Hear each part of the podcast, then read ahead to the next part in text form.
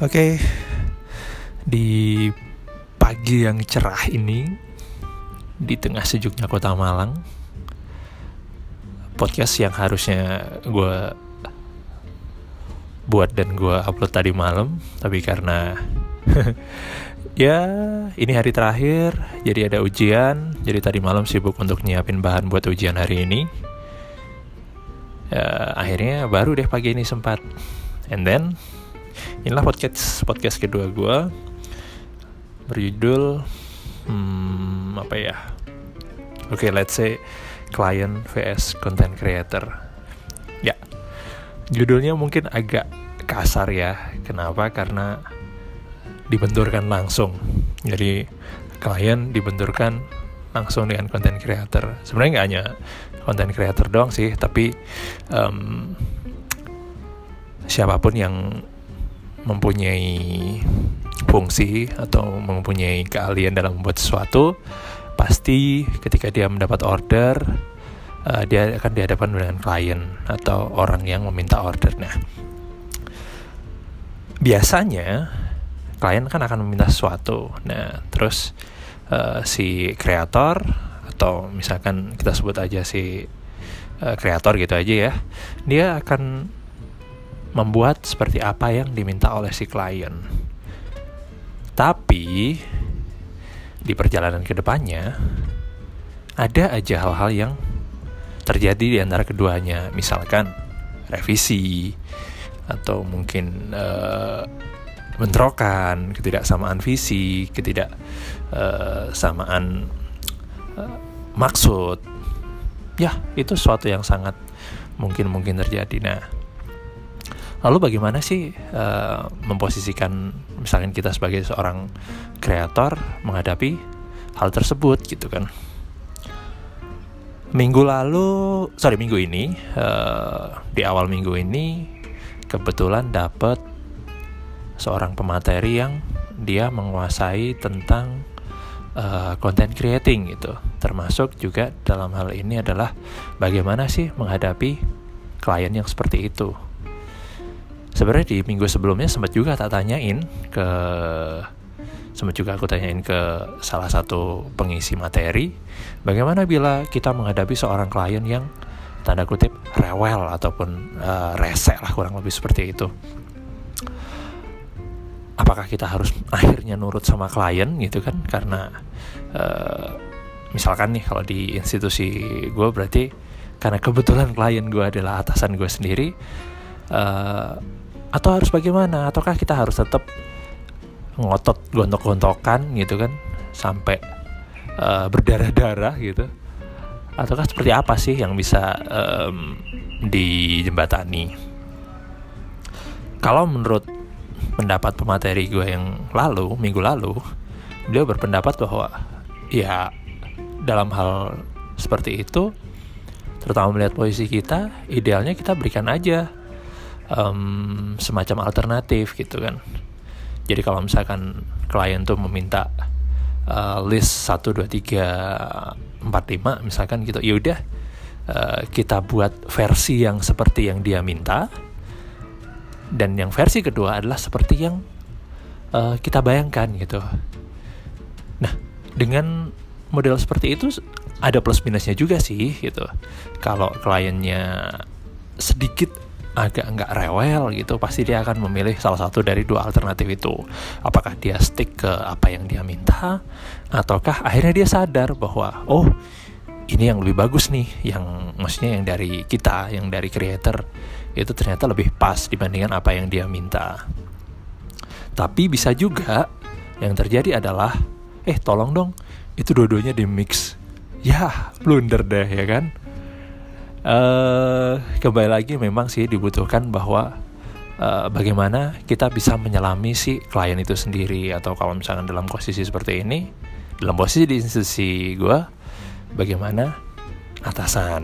Nah uh, biasanya juga tipe-tipe orang kan beda-beda ya. Jadi uh, mungkin ketika sama atasan si A beliau lebih cenderung fleksibel atau mungkin ketika sama atasan si B gitu mungkin dia cenderung lebih rigid ya udah tinggal uh, kita mainkan saja permainannya. Kalau misalkan ketemu dengan yang fleksibel ya bisa kita beri option tapi kalau ketemu dengan yang um, rigid ya udah kita kasih aja apa yang dia minta. Walaupun ketika kita memposisikan diri kita sebagai um, sekedar menyediakan apa yang klien minta ya apa bedanya kita dengan tukang batu gitu kan? Sorry ya pakai istilah seperti itu.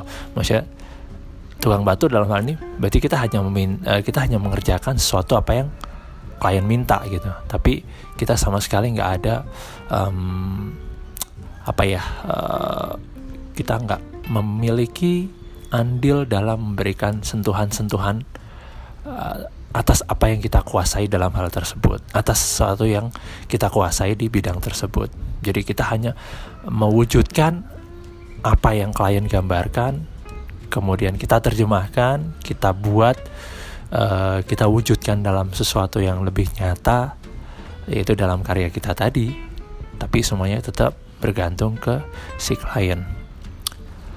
Bahkan pernah uh, hal seperti itu tuh ada yang buat meme-nya jadi uh, kurang lebih gambarnya seperti ini.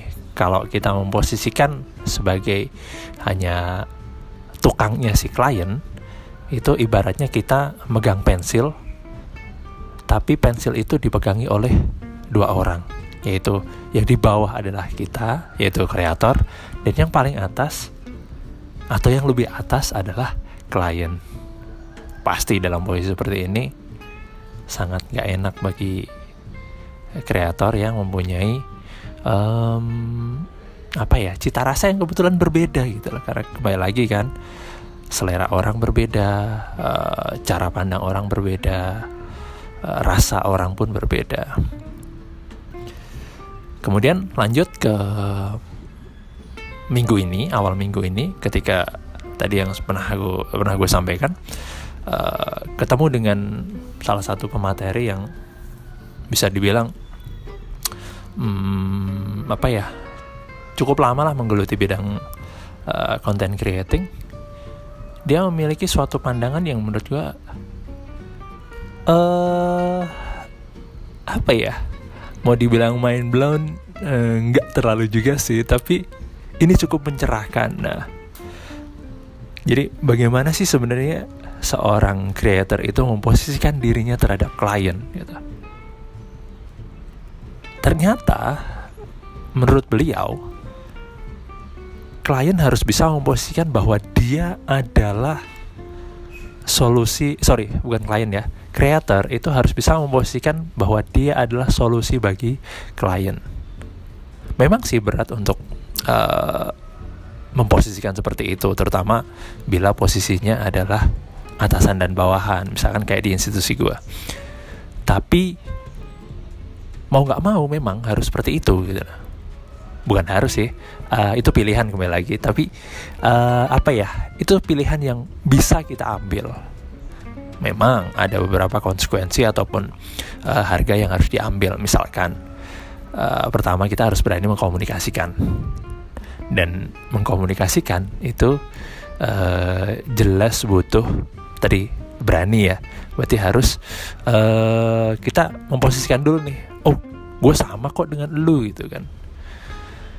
Dengan seperti itu otomatis um, klien juga akan sadar sih kalau dia sadar. Uh, bahwa iya klien tuh pada dasarnya kan punya masalah tuh. Dia punya masalah untuk mewujudkan apa yang ada dalam pikirannya dia gitu. Nah itulah gunanya seorang kreator di mana kreator itu dia akan mewujudkan apa yang klien bayangkan tapi tidak hanya sekedar mewujudkan tapi dia juga bisa menambahkan sentuhan-sentuhan yang bahkan seorang klien nggak bisa bayangkan. Tapi tetap ya kembali lagi bahwa uh, goalnya adalah mewujudkan apa yang klien inginkan. Bukan terus berarti um, kreator sesukanya sendiri. Enggak nggak boleh seperti itu. Tetap kembali lagi uh, mastermindnya memang klien tapi si kreator dia bisa menambahkan sentuhan-sentuhan yang uh, klien nggak bisa bayangin gitu. Klien nggak nyampe lah bisa dibilang seperti itu. Oh ternyata paling gampang ya paling gampang itu oh ternyata ide A ini bisa dikemas dengan cara seperti ini gitu. Walaupun bisa jadi awalnya si klien udah punya bayangan bahwa oh ide ini bisa tak kemasnya seperti ini nih gitu. Tapi ternyata mungkin ya itulah gunanya atau tugasnya seorang kreator kan. Dia bisa melihat dari sisi-sisi yang lain gitu. Bahkan mungkin dari sisi yang sangat berbeda dari klien. Nah dalam posisi seperti itu keduanya itu sudah berlaku sesuai dengan posisinya masing-masing. Klien uh, menginginkan untuk masalahnya terselesaikan atau dalam hal ini berarti uh, keinginannya terwujudkan gitu kan sedangkan si kreator dia selain mewujudkan apa yang klien inginkan, dia juga bisa menambahkan ataupun uh, mewujudkannya dalam sesuatu yang um, mungkin kalau di mata klien itu belum nyampe lah atau mungkin nggak pernah terbayangkan sama sekali gitu. Jelas dong sesuatu akan jauh lebih menarik ketika dikemasnya secara menarik bukan?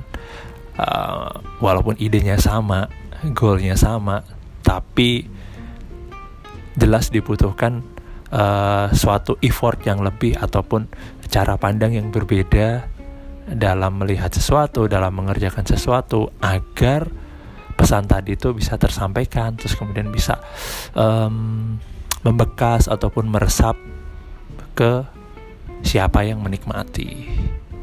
Nah, jadi kesimpulannya adalah apabila kita menghadapi seorang klien, terutama uh, bila klien itu adalah uh, atasan kita sendiri atau mungkin internal gitu, kita punya dua pilihan.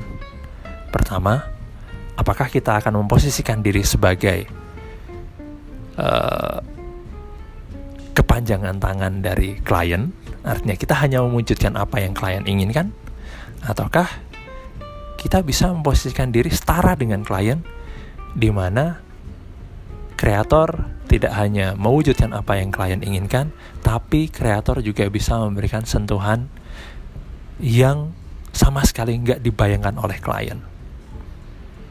And then after all, it's all your choice. Makasih ya udah dengerin, and then see you.